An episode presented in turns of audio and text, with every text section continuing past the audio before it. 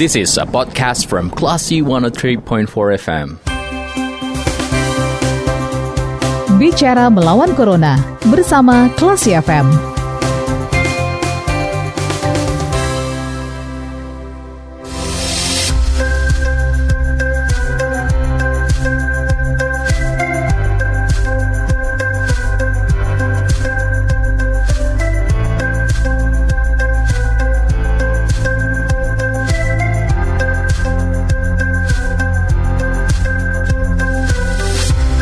103,4 Kelas FM, this is the actual radio. Selamat sore Kelas People. Saatnya Anda mencermati program Bicara Melawan Corona, masih bersama saya Fari Sardana. Pandemi COVID-19 sudah hampir setahun kita rasakan Kelas People. Dampak negatif, dampak buruk sudah sangat banyak dirasakan oleh masyarakat. Dan untuk itu, pemerintah menyalurkan yang namanya bantuan sosial tunai yang sudah mulai disalurkan. Untuk membahas hal ini, kita sudah terhubung bersama Kepala Kantor Pos Padang, yaitu Bapak Sar Hartono. Kita akan sapa dulu. Assalamualaikum, selamat sore Bapak. Waalaikumsalam warahmatullahi wabarakatuh, Mas Faris. Uh, selamat sore, uh, People. Gimana kabarnya di sore ini, Pak? Alhamdulillah, uh, kabar baik. Alhamdulillah. Uh, sehingga kita bisa aktivitas di hari ini, Alhamdulillah. Mohon maaf juga mengganggu aktivitas Bapak yang mungkin sedang uh, sedang rapat untuk penyaluran bansos hari ini ya, Pak? Ya, betul. Memang hari ini kita uh, persiapan hmm pelaksanaan pembayaran besok pagi. Baik, kalau boleh tahu nih Pak, bansos apa saja sih yang bakal dibagikan oleh PT Pos Indonesia Pak? Oke, baik uh, Mas Faris dan Classic People. Hmm. Insya Allah uh, besok ya, hmm. uh, mulai besok kita kembali akan membayarkan bantuan sosial tunai hmm. dari Kemensos uh, sebesar tiga ratus ribu rupiah hmm. per KPM hmm. per bulan. KPM itu keluarga penerima manfaat seperti itu.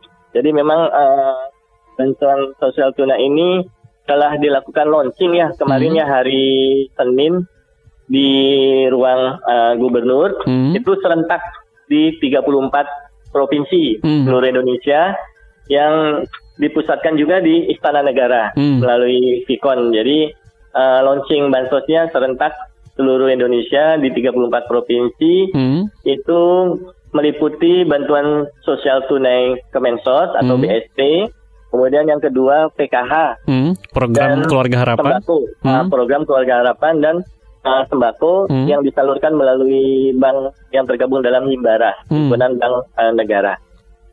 Berarti khusus untuk PT Pos itu menyalurkan BST dari Kementerian Sosial gitu Pak?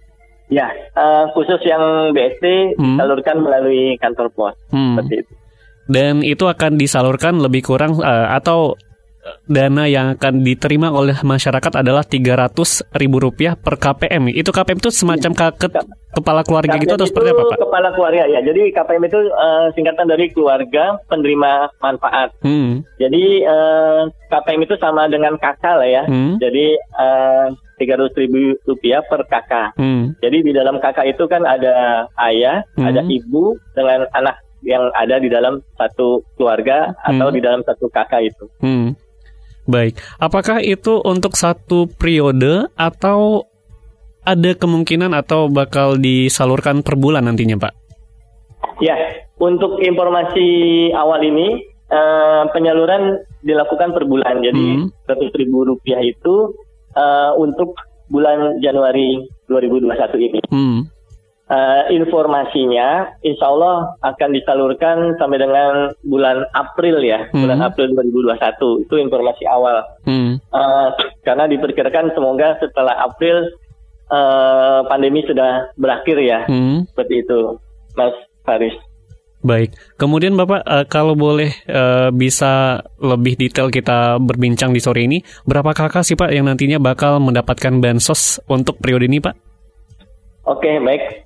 Jadi untuk uh, masa bayar 10 ini disebut masa bayar 10 hmm. karena bulan Desember lalu uh, itu masa bayar 9 ya. Hmm. Nah, untuk masa bayar 9 kemarin itu kita mendapat alokasi sebanyak 23.863 KPM. Hmm. Uh, untuk masa bayar 10 ini uh, kita dialokasikan hanya 22.950 3 KPM hmm. atau berkurang sekitar 960 KPM. Hmm. Seperti itu Mas Faris. Kalau boleh tahu ini penyebabnya kenapa ada pengurangan data, Pak? Ya, jadi pengurangan data ini um, banyak uh, beberapa faktor penyebabnya ya. Hmm. Karena uh, kantor pos ini domainnya sebenarnya hanya kami hanya sebagai juru bayar ya, hmm. hanya loket pembayaran hmm. uh, yang ditugaskan oleh Kemensos. Sehingga memang untuk data ini adalah domain dari uh, Kemensos ya. Hmm. Dalam hal ini dari Dinsos Kota Padang juga sudah uh, mengusulkan ke Kemensos hmm. dan data tersebut diolah atau diverifikasi oleh Kemensos. Hmm. Nah, Kemensos lah yang nanti akan uh, memberikan data tersebut ke kantor pos untuk dibayarkan. Hmm. Nah, penyebab-penyebabnya itu antara lain adalah pertama mungkin penerima di alokasi sebelumnya itu ada yang ganda gitu hmm, ya. Tidak tepat sasaran Sehingga, juga ya Pak? Uh, ganda itu artinya selain BST, hmm. dia juga menerima PKH, hmm. juga menerima sembako misalnya hmm. gitu. Nah sehingga itu dikurangi. Uh, karena di masa bayar tahap sebelumnya yaitu tahap 9 hmm. itu ada kurang lebih 500-an hmm. KPM yang uh, tidak uh, berhasil terbayar gitu. Hmm. Nah, tidak berhasil terbayar juga banyak macamnya ya. Ada yang ada yang meninggal, hmm. ada yang nggak bisa datang atau dia keluar kota. Hmm.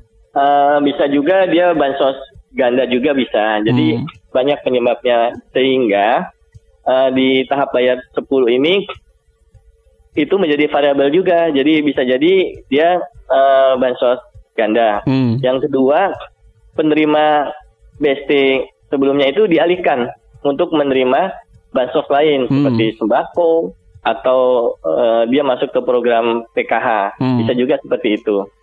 Baik, berarti tidak ada masyarakat yang akan mendapatkan uh, mendapat BST, mendapat PKH dan mendapat tapi hanya mendapat satu alokasi gitu ya, Pak? Ya, memang pemerintah uh, mengusahakan atau mengupayakan satu orang hanya mendapat satu bantuan hmm. seperti itu. Dan apabila misalnya nih dari data di kita hanya berapa 22 903 itu hmm. uh, ternyata masih ada gitu ya Mas Faris ya di dalamnya uh, penerima ganda. Hmm. Dan itu kita akan komunikasikan ke PKSK. PKSK ini adalah tenaga sukarela hmm. uh, Kementerian Sosial. Jadi PKSK ini yang bekerja melakukan verifikasi data uh, di masyarakat. Hmm. PKK ini tingkat kecamatan. Hmm. Di bawahnya ada lagi ada PSM istilahnya. Uh, eh, PSM ini pekerja sosial masyarakat hmm. yang ada di tingkat kelurahan. Nah, mereka berdua inilah yang melakukan pendataan. Hmm. Nah, apabila dari data 22903 ini ternyata masih ada data ganda, hmm. maka itu akan kami uh, berikan catatan gitu ya. Hmm. Kita istilahnya kita stabilo dan tidak kita bayarkan di masa bayar ini. Dan itu kita akan laporkan ke Kemensos hmm. sehingga di bisa jadi di masa bayar berikutnya akan berkurang lagi gitu, hmm. Mas Farid. Baik, berarti jadi untuk masa bayar ke-11 Iya, sekaligus ini kita melakukan sortir sortir hmm. data hmm. seperti itu. Baik. Kemudian Bapak, bagaimana sih nantinya mekanisme uh, penyaluran bantuan sosial tunai ini akan disalurkan oleh PT Pos Indonesia uh, sembari juga untuk mengurangi uh, risiko penularan COVID-19, Pak? Oke. Okay. Uh, jadi uh, pertama kita membuat jadwal ya. Hmm. Kita membuat jadwal pembayaran um, selama satu minggu. Hmm. Jadi dari alokasi tadi 22903 hmm. itu terdiri dari alokasi untuk Kota Padang itu sendiri adalah 17.438. Hmm. 17.438 untuk wilayah Kota Padang. Hmm. Sedangkan Kabupaten Kepulauan Mentawai hmm. itu sejumlah 5.465 hmm. KPM. Nah, dari jumlah 17 438 di Kota Padang ini kita akan pecah, kita akan bagi uh, jadwalnya hmm. menjadi satu minggu hari pembayaran. Hmm. Sehingga satu hari itu kurang lebih 17 dibagi 7 gitu Hmm, ya. Iya. Itu kurang lebih sekitar 2 3 3 2 2 ribuan sekian gitu ya, Hmm. Mas Faris ya. Nah, dari 2000 sekian tersebut itu kita pecah lagi, kita bagi lagi menjadi dua eh, empat empat lokasi pembayaran yaitu pertama di kantor pos Padang Hmm. di Jalan Bagindo Ajican, Hmm. kemudian yang kedua di kantor wilayah pos yang di Jalan Kotip Sulaiman, Hmm. kemudian yang ketiga em, oh sorry yang di kantor wilayah di Kotip Sulaiman itu Hmm. itu khusus warga kecamatan Koto Tangah, Nanggalo, Hmm. dan Padang Utara. Hmm. Itu dibayarkan di kantor wilayah kami Di yang Khatib Sulaiman. berada di Kotip Sulaiman. Hmm. Sedangkan yang di pos induk Hmm. Di Bagindo Aziz Chan. Ajistan, Hmm. itu untuk eh, kecamatan Padang Barat, Hmm. Padang Timur, Hmm. Padang Selatan, Kuranji, Lubuk Begalung. Hmm. Seperti itu. Nah, kemudian untuk eh, kecamatan eh, Luki Hmm. atau Lubuk Kilangan itu kita bayarkan di kantor pos eh, Indarung yang Hmm. berada di kompleks Semen Padang. Hmm. Kemudian yang kecamatan Bungus itu juga kita bayarkan di kantor pos Bungus. Nah, yang terakhir adalah kecamatan Pau. Insya Allah kita akan eh, bayarkan di eh, Balai Diklat Kemensos Hmm. yang ada yang berada di Alai Kepala Koto di eh, kecamatan Pau. Hmm. Uh, sehingga masyarakat akan lebih dekat untuk datang uh, mencairkan uh, bantuan tersebut. Nah saat ini kita, insya Allah nanti kita akan koordinasi Hmm. dengan pimpinan di Balai Diklat Kemensos untuk bisa kita jadikan tempat pembayarannya. Baik. Kemudian angka 2000 lebih kurang 2000 per hari itu kan bukan angka yang sedikit, Pak. Bagaimana sosialisasi yang dilakukan oleh PT Pos agar nantinya eh, tidak terjadi penumpukan misalkan di jam-jam tertentu gitu, Pak? Ya, jadi dari tadi 17438 ya Mas Hmm, Faris, hmm. 17438 kita bagi menjadi Tujuh hari. uh, lima eh, empat lah anggap empat empat titik Hmm. Eh, atau lima ya lima titik ya Hmm. lima titik dibagi satu belas dibagi lima titik itu berarti kurang lebih satu titik itu ada sekitar tiga ribuan ya Hmm, tiga ribu lima ratus tiga ribu lima ratus itu satu minggu loh mas Faris Hmm. jadi tiga ribu lima ratus ini dibagi lagi menjadi tujuh hari jadi berarti sehari hanya kurang lebih ya kurang Hmm. lebih lima ratus Lima tapi ratus. kalau di ya 500 eh, KPM. Hmm. Ah, tapi memang dari lima titik pembayaran itu, Hmm. itu yang paling banyak adalah di eh, kantor pos Padang Hmm. di Jalan Bagido Ajiscan itu sejumlah totalnya ya 9.355 sedangkan di Kotip Sulaiman ada 6.481 Hmm. seperti itu. Nah, sehingga kalau lima eh 9.355 Hmm. kita bagi menjadi enam hari itu sehari rata-rata hanya 1.300 Hmm. 1.300 per hari dibagi dua shift eh, kurang lebih berarti sekitar 650 per shift. Hmm. Nah, shift itu kita mulai dari jam 8 pagi sampai jam 12 siang. Kemudian nanti shift eh, kedua kita mulai dari setengah dua sampai selesai. Seperti itu. Baik berarti Sehingga- di hmm. Hmm, berarti per shift kurang lebih 650 mas. Ah, di situ kita insya Allah kita eh, bisa meminimalisir eh, resiko eh, terkontaminasinya eh, virus corona tersebut. Baik, berarti untuk besok sudah mulai dilakukan penyaluran di semua loket-loket pembayaran gitu ya Pak? Di lima yang sudah Bapak sebutkan tadi. Ah, untuk untuk di awal kita eh, dua titik yaitu di kantor pos Bagindo Ajiscan Dan kantor... dengan di eh, kantor wilayah yang di Kotip Sulaiman. Hmm, Sedangkan di Indarung itu insya Allah kita mulai em, Indarung kita mulai itu hari sebentar saya coba litik jadwal Selasa sampai Kamis Pak. baik. Untuk wilayah Lubuk Kilangan itu kita mulai Selasa Kamis. Hmm, Kemudian untuk Bungus kita mulai Rabu sampai Jumat. hmm, seperti itu. Nah ini juga uh, untuk antara lain untuk memecah uh, masa juga hmm. sehingga tidak uh, terjadi penumpukan gitu ya pak. Betul. Nah kemudian selain tadi strategi yang tadi yaitu penjadwalan, hmm. kemudian yang kedua adalah kita tetap uh, menerapkan protokol kesehatan, hmm. yaitu kita menyediakan tempat cuci tangan hmm. dengan dua galon di pintu masuk dua galon besar air. Hmm. Nah, jadi masyarakat kita sarankan untuk uh, mencuci tangan terlebih dahulu, kemudian kita periksa suhunya juga hmm. kita siapkan di pintu masuk oleh petugas keamanan kami. Hmm. Kemudian yang ketiga, kami mewajibkan masyarakat penerima bantuan juga hmm. memakai masker. Hmm. Jadi uh, mereka wajib memakai masker. Kalau tidak pakai masker, nggak bakal diterima gitu ya Pak? Uh, ya, nggak pakai masker suruh pulang. Jadi mereka harus pakai masker seperti itu. Baik. Uh, terus yang keempat, kita menyediakan kursi, hmm. kursi-kursi antrian itu, itu juga dengan uh, physical distancing. Hmm. Jadi dengan berjarak seperti itu. Itu kita siapkan marka-markanya. Uh, dan kursi itu tidak boleh dipindah-pindah. Hmm. Nah, jadi uh, mereka duduk sesuai dengan marka yang kita tetapkan dengan jarak sekitar satu setengah meter. Baik. itu. Kemudian Bapak, uh, bagaimana sih nantinya untuk uh, penyaluran bantuan di mas untuk masyarakat di Kabupaten Kepulauan Mentawai, Pak?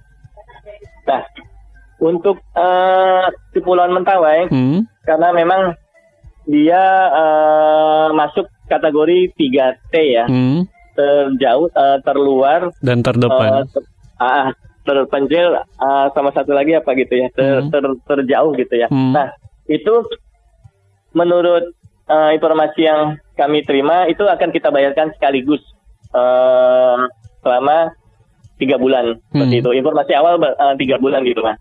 Nah itu nanti kita bayarkan perkiraan antara bulan Februari atau bulan Maret seperti itu. Baik, baik. Terima kasih Bapak Sartono, Kepala Pos Kantor Pos Cabang Padang yang sudah berbagi bersama. Silakan Bapak. Silakan. Uh, tambahan jadi bagi para masyarakat uh, eh, KPM hmm. dihimbau untuk tidak membawa anak kecil, Mas Faris. Jadi Baik. untuk yang datang ke kantor pos menerima bantuan tersebut hmm. uh, untuk datang sendiri uh, dengan tidak membawa anak kecil gitu. Hmm. Jadi kita menghindari terkontaminasinya uh, virus corona kepada anak-anak. Nah, itu yang pertama. Uh, terus yang kedua, hmm. bagi masyarakat yang sakit, jompo atau disabilitas uh, tidak perlu datang ke kantor pos. Hmm. Uh, berikanlah data saja kepada petugas TKSK. Maka nanti uh, petugas pos, Pak Pos atau pengantar pos yang datang mengantar ke rumah uh, Bapak Ibu sekalian. Hmm. Seperti itu. Jadi bagi penerima yang sakit uh, atau sudah jompo atau disabilitas itu kita lakukan pengantaran ke rumah. Seperti itu Mas Faris. Baik, baik terima kasih Pak Sartono Kepala Kantor Pos Padang yang sudah berbagi bersama kelas FM di sore ini. Semoga sehat-sehat terus Pak dan salam untuk keluarga besar Kantor Pos Cabang Padang. Amin, amin. Terima kasih Mas Faris, terima kasih Klasi People. Sama-sama. Assalamualaikum warahmatullahi wabarakatuh. Waalaikumsalam warahmatullahi wabarakatuh. Dan Klasi People itu perbincangan kita bersama Kepala Kantor Pos Cabang Padang ada Bapak Sartono dan saya Faris Sardana. Kita ke program selanjutnya. Terima kasih. Anda sudah mencermati program Bicara Melawan Corona bersama Klasi FM. Tetap waspada, bersama kita lawan Corona. This is a podcast from Classy 103.4 FM.